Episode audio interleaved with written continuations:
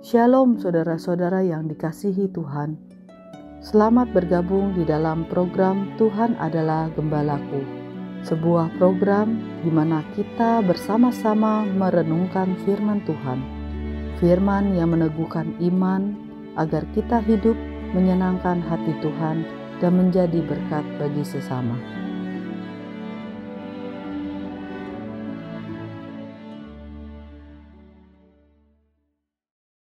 Shalom saudara-saudara yang dikasih oleh Tuhan. Tuhan begitu murah hati sehingga kita boleh masuk ke dalam hari yang sungguh-sungguh diberkati oleh Tuhan. Selamat berjumpa di dalam program Tuhan adalah Gembalaku.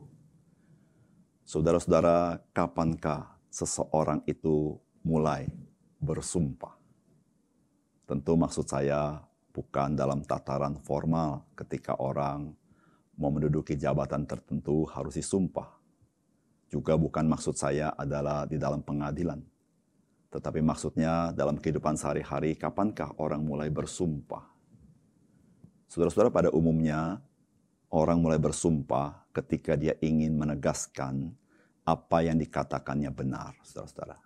Maka orang itu mulai bersumpah. Nah, saudara-saudara, pada hari ini kita akan merenungkan mengenai sumpah yang kita ucapkan kepada orang lain.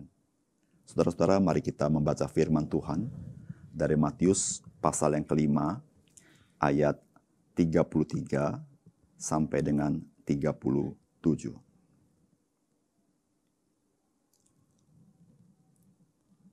Kamu telah mendengar pula yang difirmankan kepada nenek moyang kita. Jangan bersumpah palsu, melainkan peganglah sumpahmu di, di depan Tuhan. Tetapi aku berkata kepadamu, janganlah sekali-kali bersumpah, baik demi langit, karena langit adalah tahta Allah, maupun demi bumi, karena bumi adalah tumpuan kakinya, ataupun demi Yerusalem, karena Yerusalem adalah kota raja besar. Janganlah juga engkau bersumpah demi kepalamu, karena engkau tidak berkuasa memutihkan atau menghitamkan sehelai rambut pun. Jika ya, hendaklah kamu katakan ya. Jika tidak, hendaklah kamu katakan tidak. Apa yang lebih daripada itu berasal dari si jahat.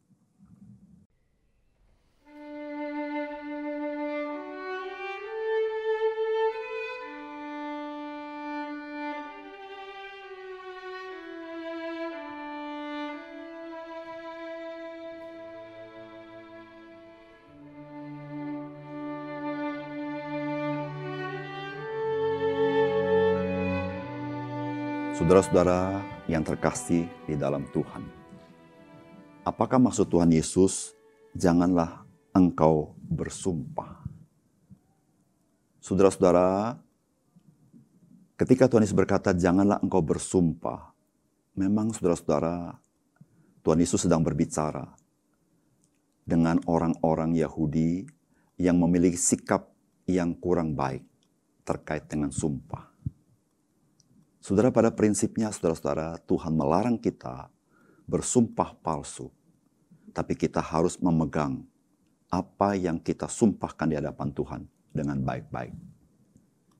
Tapi saudara-saudara, Tuhan Yesus berkata, janganlah engkau bersumpah. Maksudnya apa? Saudara-saudara, saudara-saudara yang kasih dalam Tuhan, orang-orang pada zaman itu memiliki satu semangat, ada sumpah yang sifatnya mengikat.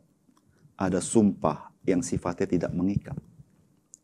Jikalau sumpah itu demi Tuhan, maka sumpah itu mengikat. Tetapi kalau sumpah itu tidak demi Tuhan, tetapi demi yang lain, maka sumpah itu kurang mengikat. Saudara-saudara, apakah semangat dari mereka ini, saudara-saudara?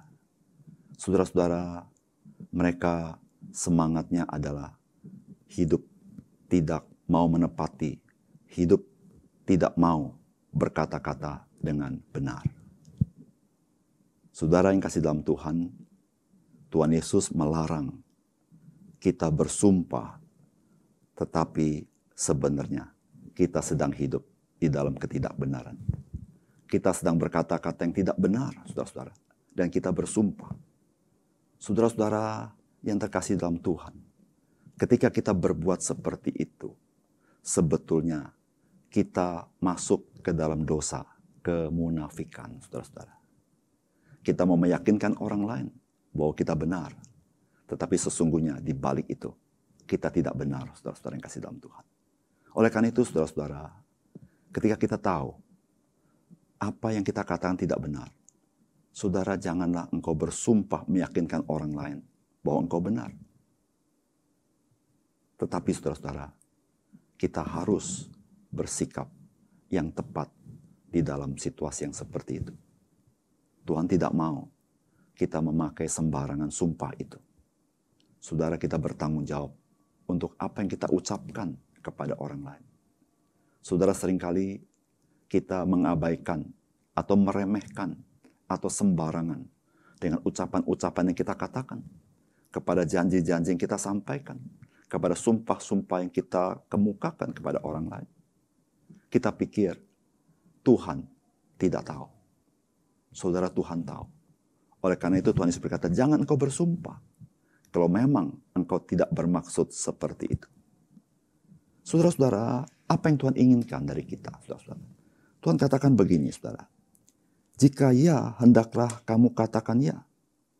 Jika tidak, hendaklah kamu katakan tidak. Saudara-saudara, yang Tuhan mau dari kita adalah saudara-saudara, kita mempunyai kehidupan yang berintegritas. Artinya apa, saudara-saudara? Artinya antara kehidupan kita, hati kita, pikiran kita, dan perkataan kita itu bersesuaian Saudara-saudara, kita menjadi orang yang transparan, apa adanya. Kita menjadi orang yang righteous, yang benar di hadapan Tuhan. Saudara-saudara, tidak ada kemunafikan. Jikalau kita salah, kita mengakui kita salah. Jikalau itu bukan demikian, kita katakan bukan demikian. Tapi jikalau memang demikian, kita katakan demikian. Saudara, mengapa Tuhan ingin kita seperti itu? Karena Tuhan berkata begini, saudara-saudara. Apa yang lebih daripada itu berasal dari si jahat. Saudara-saudara, kita tahu bersama-sama. Si jahat itu adalah bapa pendusta. Dan saudara kita bukan anak-anak daripada bapa pendusta. Kita adalah anak-anak daripada bapa yang di surga. Saudara, sepatutnya lah saudara-saudara. Kita menjadi serupa dengan karakter Bapa di surga.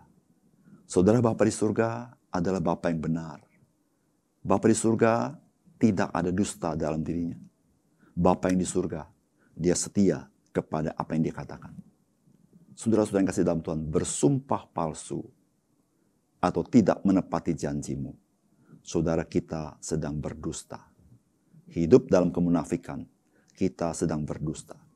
Saudara, perbuatan dusta itu adalah meniru sikap daripada bapa pendusta, yaitu si iblis itu sendiri. Saudara yang kasih dalam Tuhan, janganlah engkau bersumpah palsu. Tuhan ingin supaya engkau semakin hari semakin serupa dengan Tuhan kita Yesus Kristus. Kita menjadi orang yang berintegritas.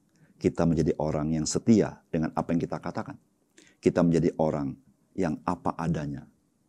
Perbuatan kita, hati kita, tutur kata kita bersesuaian. Sehingga saudara-saudara, saudara dan saya tidak menjadi batu sandungan bagi orang lain.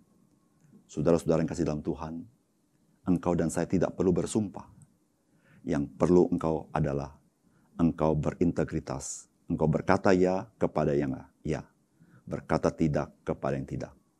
Dan saudara-saudara, integritas itu dilakukan di dalam proses sehingga orang mengenal memang engkau berintegritas. Mari saudara-saudara, mulailah hidup berintegritas sehingga orang tahu engkau adalah orang yang dapat dipercaya dalam hidup ini. Sehingga saudara-saudara, kita boleh memuliakan nama Tuhan. Mari kita berdoa.